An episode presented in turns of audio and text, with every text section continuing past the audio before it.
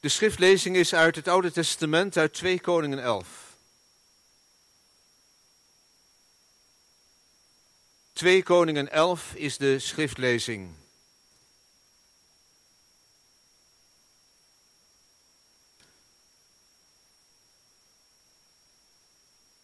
We vallen daar midden in een geschiedenis van Israël, een stuk geschiedenis. Ik zal daar straks iets meer van vertellen tijdens de preek. Toen Natalia, de moeder van Ahazia, zag dat haar zoon dood was, stond zij op en bracht zij heel het koninklijk nageslacht om.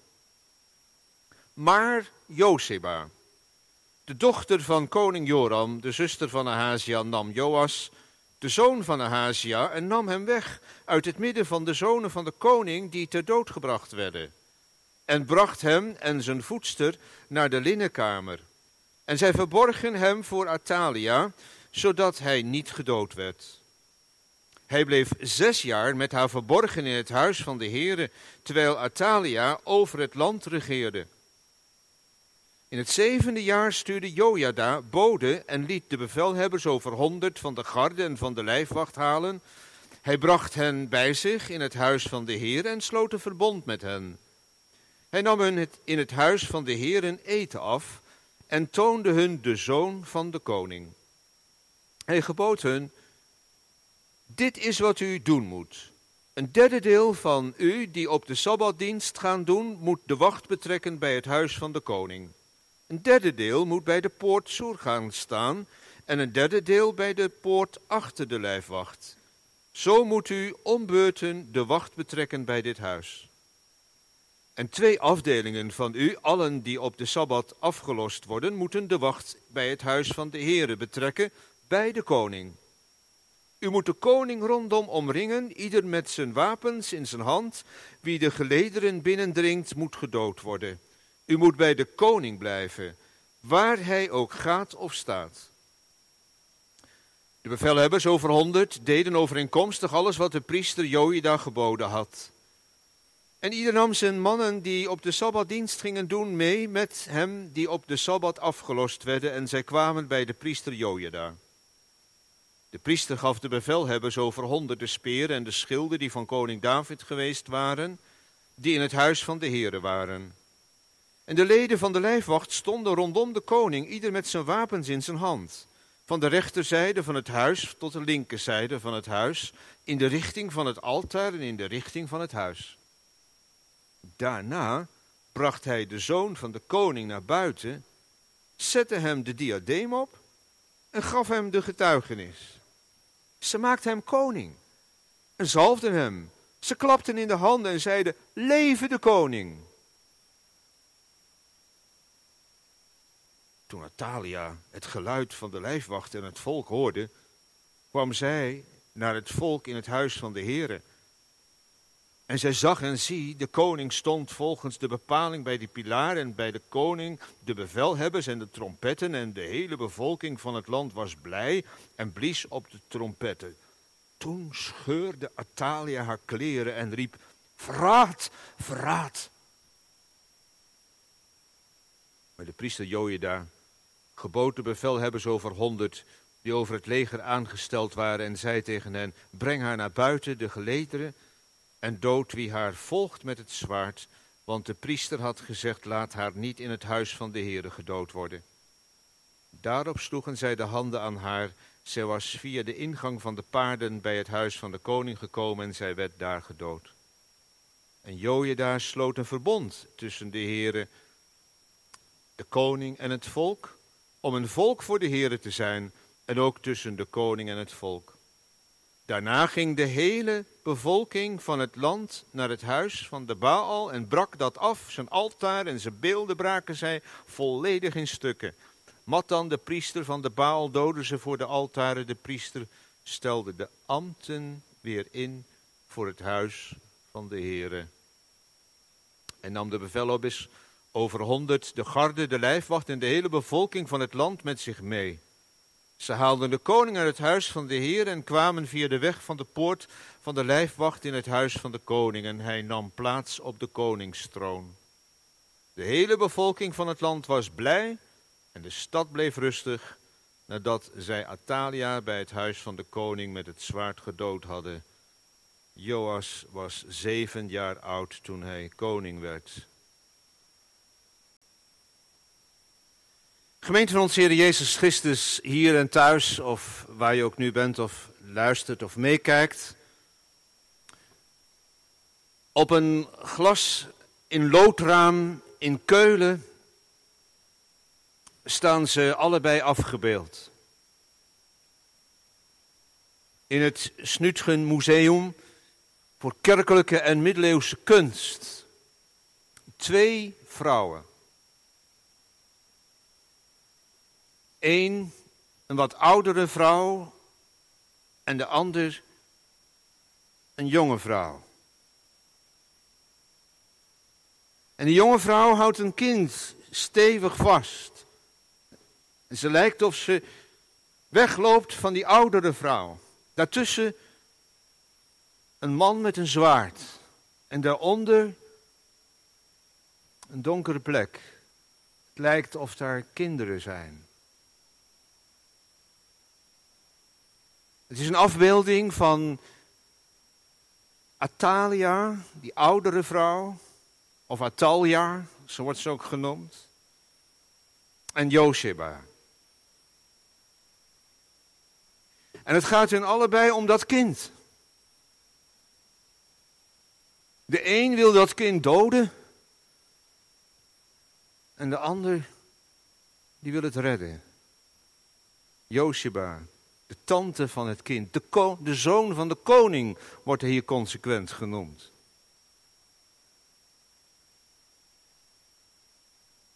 Het is net alsof je Openbaringen 12 hier voor je ziet. Wat staat er in Openbaringen 12? Een soort drieluik is dat. Het gaat over de vrouw of de draak aan de ene kant, kind in het midden en de vrouw. Over een draak gesproken. Zo zou je haar kunnen noemen. Een Cruella. Vol wraaklust. Wat? Een grootmoeder? Een oma? Die haar eigen kleinkind en kleinkinderen wil doden? Wat doet ze daar? op het toneel, op het wereldtoneel kan ik wel zeggen. Atalia, Atalia. Koningin, moeder, koningin, grootmoeder.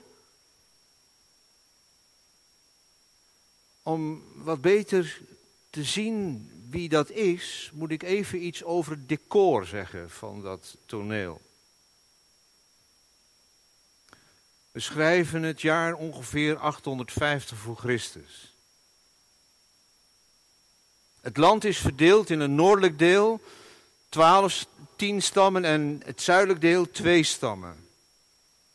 Israël en Juda. In het tienstammenrijk, het noordelijk deel, regeert koning Agab, getrouwd ook met een soort Cruella. Met een draak van een vrouw, want die was ook nogal moordlustig, Izebel. En in het zuidelijk rijk in Juda regeert Joram. Maar die twee hebben vriendschap gesloten. Dat kan ook zijn voordeel hebben. Als twee koningen van verschillende landen met elkaar bevriend zijn. En Agab van zijn kant had er nog iets aan toegevoegd. Die had zijn dochter Atalia uitgehuwelijkt aan Joram. Nou, als je meer invloed wil hebben, in een bepaald land moet je dat doen. En natuurlijk Izebel in haar nopjes. Hoezo Izebel in haar nopjes? Nou, Izebel, zij promoten de Baaldienst in het noordelijk rijk in Israël. En als dan jouw dochter naar Juda gaat, naar het zuidelijk deel en trouwt met die koning, dan zal die Baaldienst daar ook gaan floreren natuurlijk. Kun je wel op je vingers natellen. gratis PR voor Baal. Want dat zou natuurlijk helemaal naar de zin van en Agab en Izebel zijn, als ook die Baaldienst in het hart van het religieuze centrum, daar in Juda, in Jeruzalem, opgang zou maken. Maar het uh, heeft niet veel voordeel opgeleverd, die vriendschap en dat uithuwelijken, al die intriges en zo aan het hof. Want uh, ja, God had al gezegd, ten aanzien van Agab en Izebel, wat er met hun zou gebeuren en het hele koninklijk geslacht zou uitgeroeid worden, want God is een heilige God. En ik kan niet verdragen dat daar een Baaldienst is naast hem. Ja. Dan lees je die verschrikkelijke verhalen.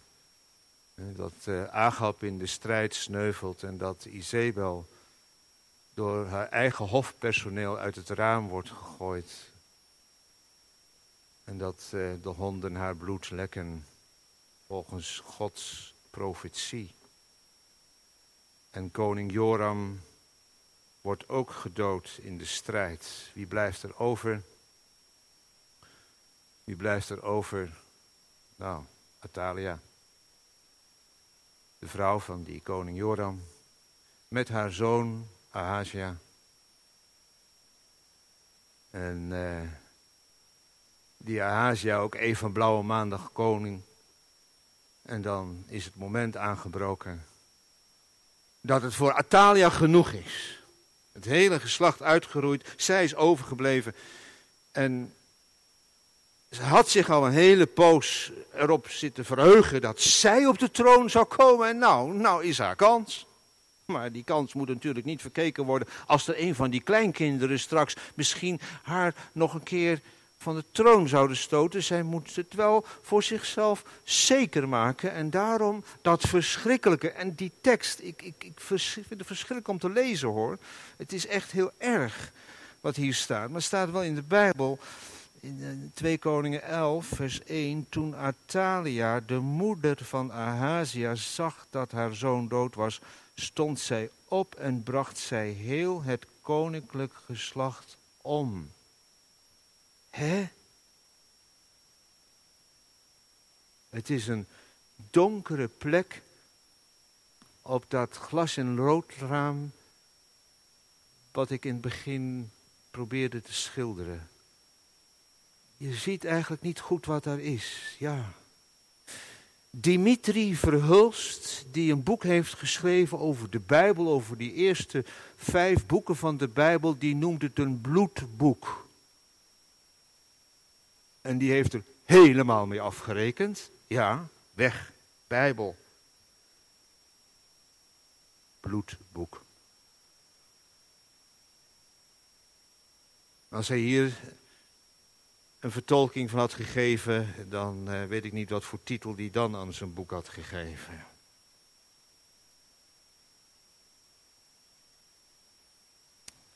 Ja, daar kun je even stil van worden. Wat er kennelijk mogelijk is. En je wordt er misschien nog stiller van dat je zegt dat de mens nog totaal niets van de geschiedenis heeft geleerd. En dat uh, zag je natuurlijk ook al bij koning Herodes de Grote bij die kindermoord in Bethlehem. Ja, we zijn geneigd om die hoofdstukken over te slaan. Kindje in Bethlehem, hè, Jezus in de kribbe. En, en, maar dat die koning Herodes dan die kinderen uitmoordt in Bethlehem. Het is uh, niet te bevatten. Wat, wat, wat zien we hier? Wat gebeurt hier? Is het niet die draak? Van openbaringen die al de eeuwen door op uit is om dat kind te doden, om maar te voorkomen dat er geen redder op de wereld geboren zou worden? Ja, dat. Er is een geestelijke strijd gaande. En dat zie je door de hele geschiedenis heen. Hier bij koning Herodes de Grote tot in de achtertuin van Europa toe. Wie had gedacht dat er nu weer loopgraven zouden zijn. En vandaag nog weer Een miljoen mensen, waaronder ook heel veel, nou ja, christenen, niet eens in een koude kerk kunnen zitten, omdat er geen kerk meer is. Niets geleerd van de geschiedenis. Vervolging van christenen. De geest van Natalia. Nou ja. Even genoeg hierover.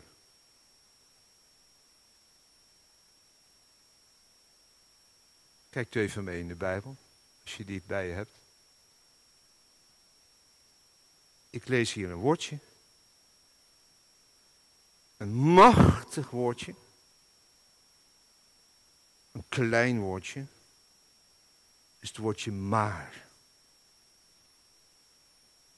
Maar, Josheba. Josheba? Ja, Josheba. De dochter van koning Joram. Ook zij was overgebleven.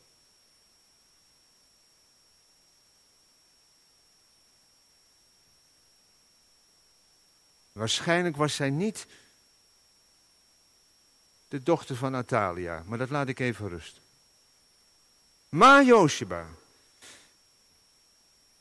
de zuster van Ahazia, nam Joas, de zoon van Ahazia, en nam hem weg uit het midden van de zonen van de koning, die ter dood gebracht worden. En zij bracht hem en zijn voedster naar de linnenkamer, en zij verborgen hem voor Atalia, zodat hij niet gedood werd. Als alles duister is. Zo duister. Totale ontwrichting. In de tijd van Atalia gebeurt dit.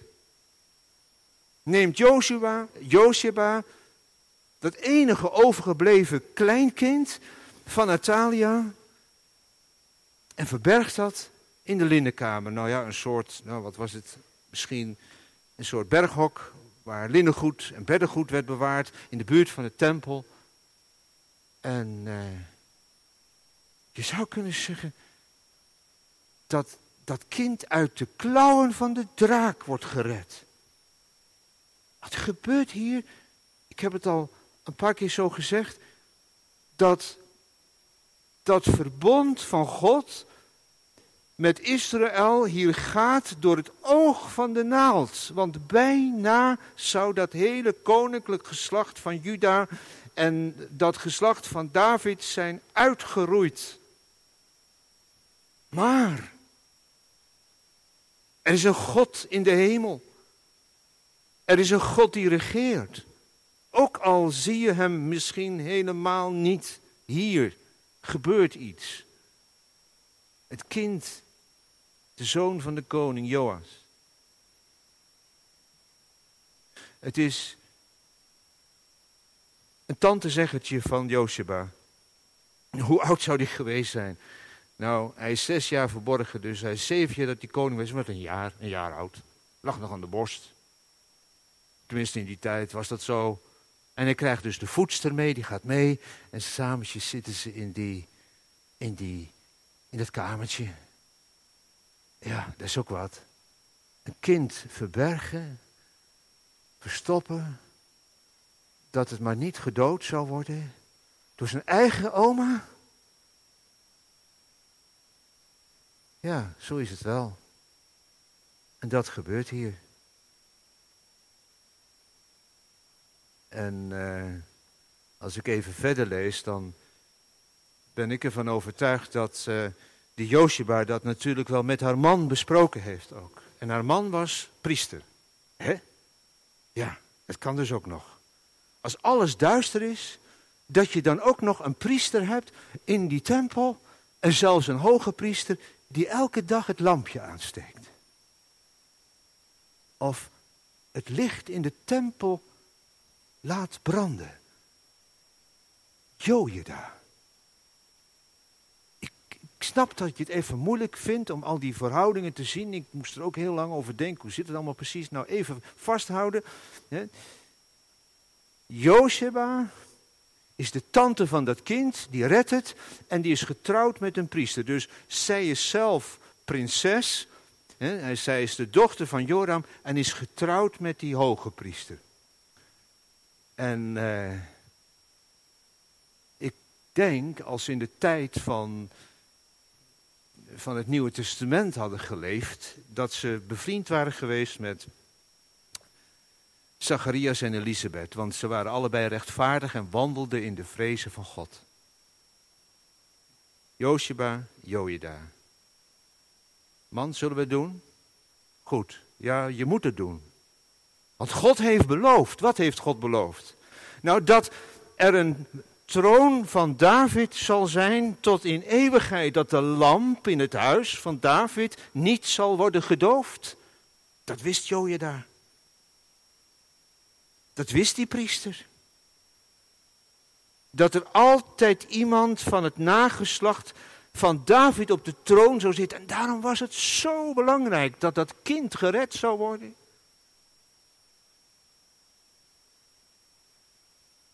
Zes jaar lang.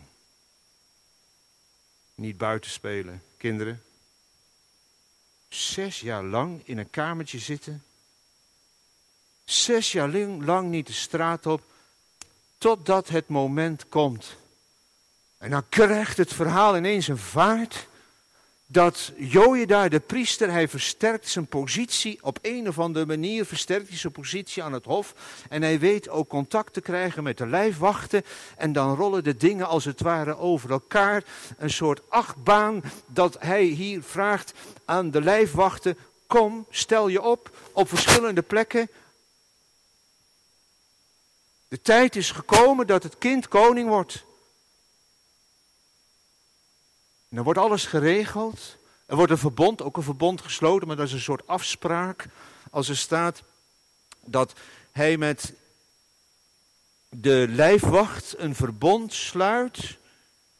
Hij nam in het huis van de heren een eed af en toonde hun de zoon van de koning. Met andere woorden, je even zien voor je, hè, dat, is die, dat zijn dan die, die bodyguards en dus die lijfwacht en die roept hij bij elkaar van verschillende groepen. Zeg, kijk, dat is het jongetje.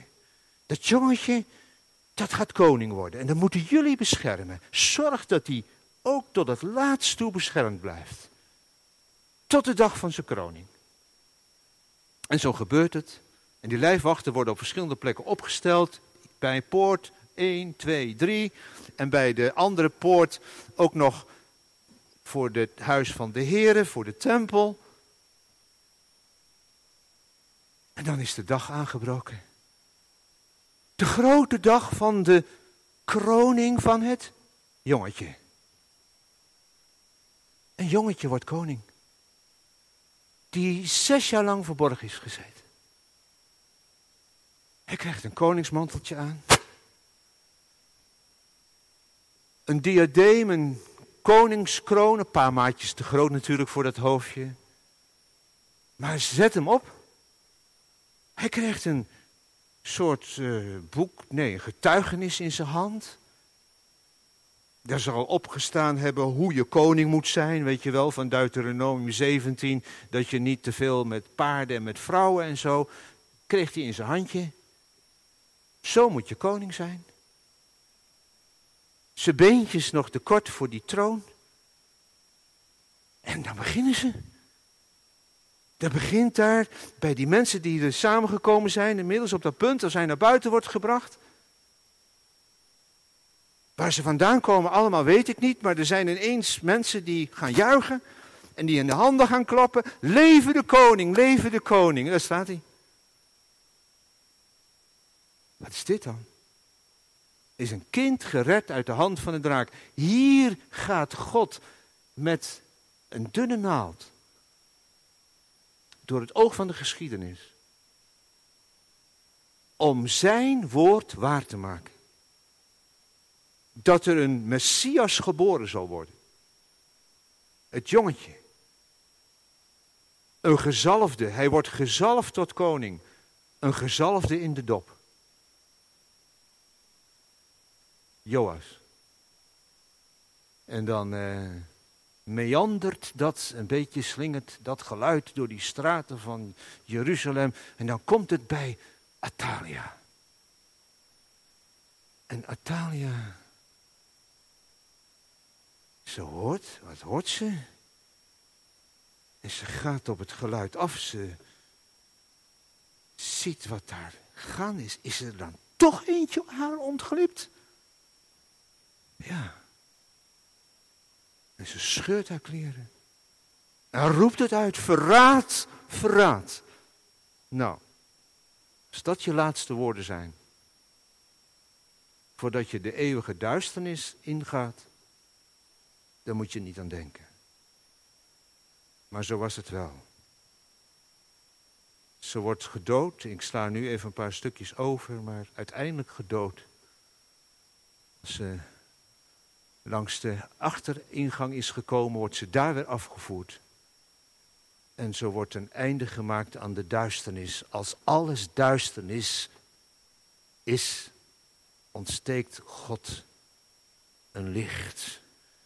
Gemeente, kerstfeest is een totaal onwaarschijnlijk feest.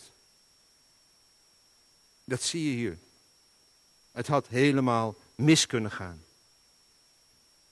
Het is een totaal onwaarschijnlijk feest. En het wordt nog onwaarschijnlijker als wij bedenken dat wij ook zelf duisternis zijn. Als wij bedenken dat van onze kant het licht nooit aangaat. Dat het God is die hier ingrijpt. En dat het God is die met kerst ingrijpt in een wereld vol duisternis. Het zou nooit kerst geworden kunnen zijn wanneer God niet had vastgehouden aan zijn verbond. Beseffen we dat? Dan zou het ook met ons gedaan zijn.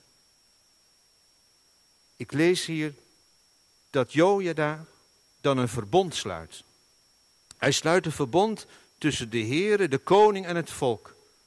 Om er voor de Heere er te zijn en ook tussen de koning en het volk. Ontwrichting. Dat kun je zeggen, samengevat, over de tijd van Atalia. Een tijd van ontwrichting. Maar daar zoekt de verbinding. Verbinding in een tijd van ontwrichting. Broeders, u wordt straks bevestigd in het ambt. In wat voor tijd leven wij? Als alles duister is.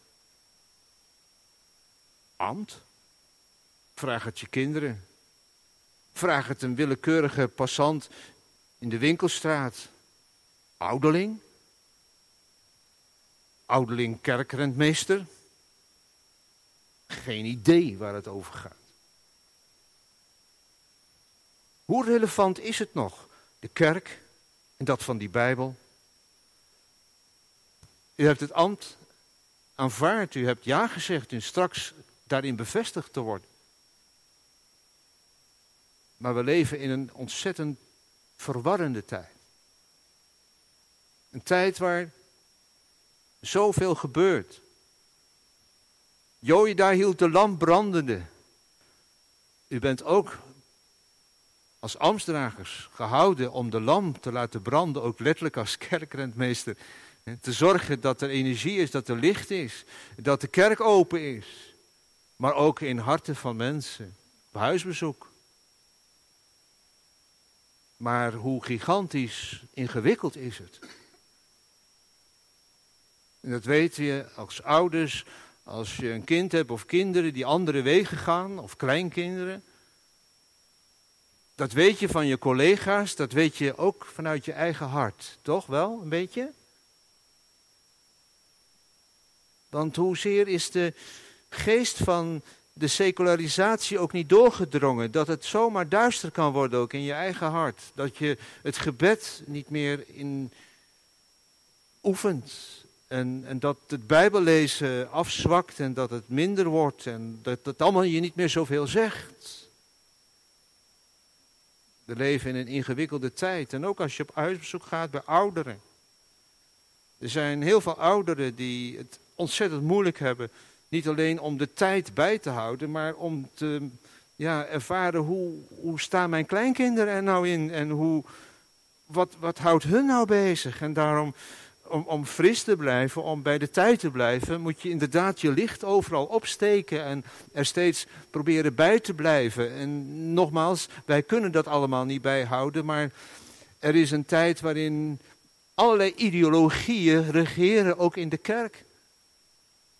En dat de cultuurgeest, je zou bijna zeggen de Atalia, de Atalia-geest, over de Bijbel heerst. En dat niet meer de Heilige Geest het voor het zeggen heeft, maar onze geest. En wat wij belangrijk vinden, wat bij ons goed voelt en wat wij denken dat mag, kan. En dat ga ik nu niet allemaal in detail uitvoeren, maar je snapt ongeveer wel wat ik bedoel.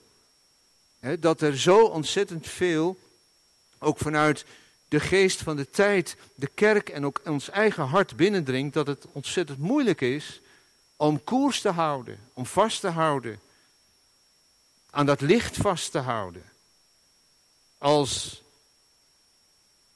abortus provocatus tot mensenrecht verheven wordt. De geest van Natalia. Als kinderen, kleinkinderen, naar video's kijken, naar filmpjes kijken die een paar maatjes te groot voor ze zijn. Of die eigenlijk taboe zouden moeten zijn als ons, als christenen, als kerkmensen, als gelovigen. Ja, de draak is nog steeds bezig om ons in zijn greep te krijgen. Ja, het kind is veilig. Het kind is koning. Maar hij zoekt de vrouw. Hij zoekt de kerk. Hij zoekt ons in te palmen. En daarom Amstdragers zijn nu is een uitdaging. Nee, het is een roeping.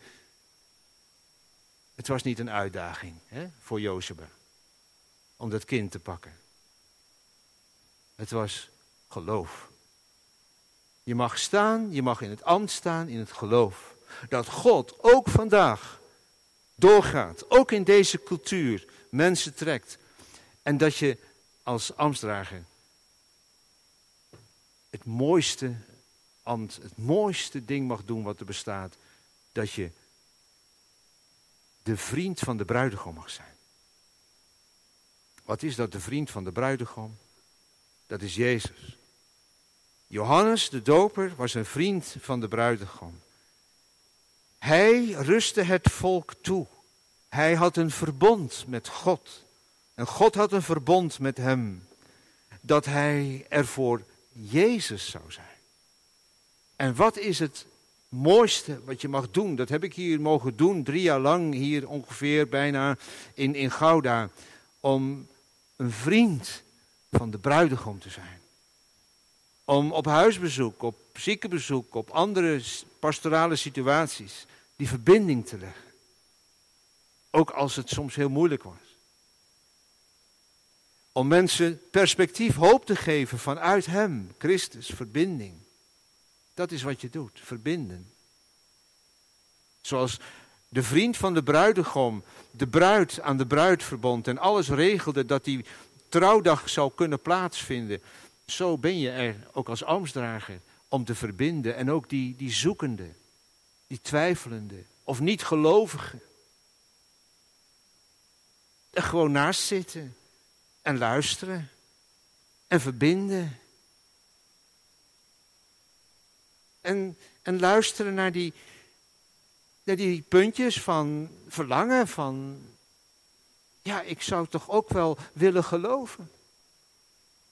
Amstdrager zijn, dus geduld hebben, verbinden in een tijd van ontwrichten. Want het gaat erom, lieve gemeente, geliefde gemeente hier van Gouda, dat we allemaal, wij allemaal, aan dat kind verbonden zijn. Ja, niet aan Joas, maar die meer is dan Joas, Jezus.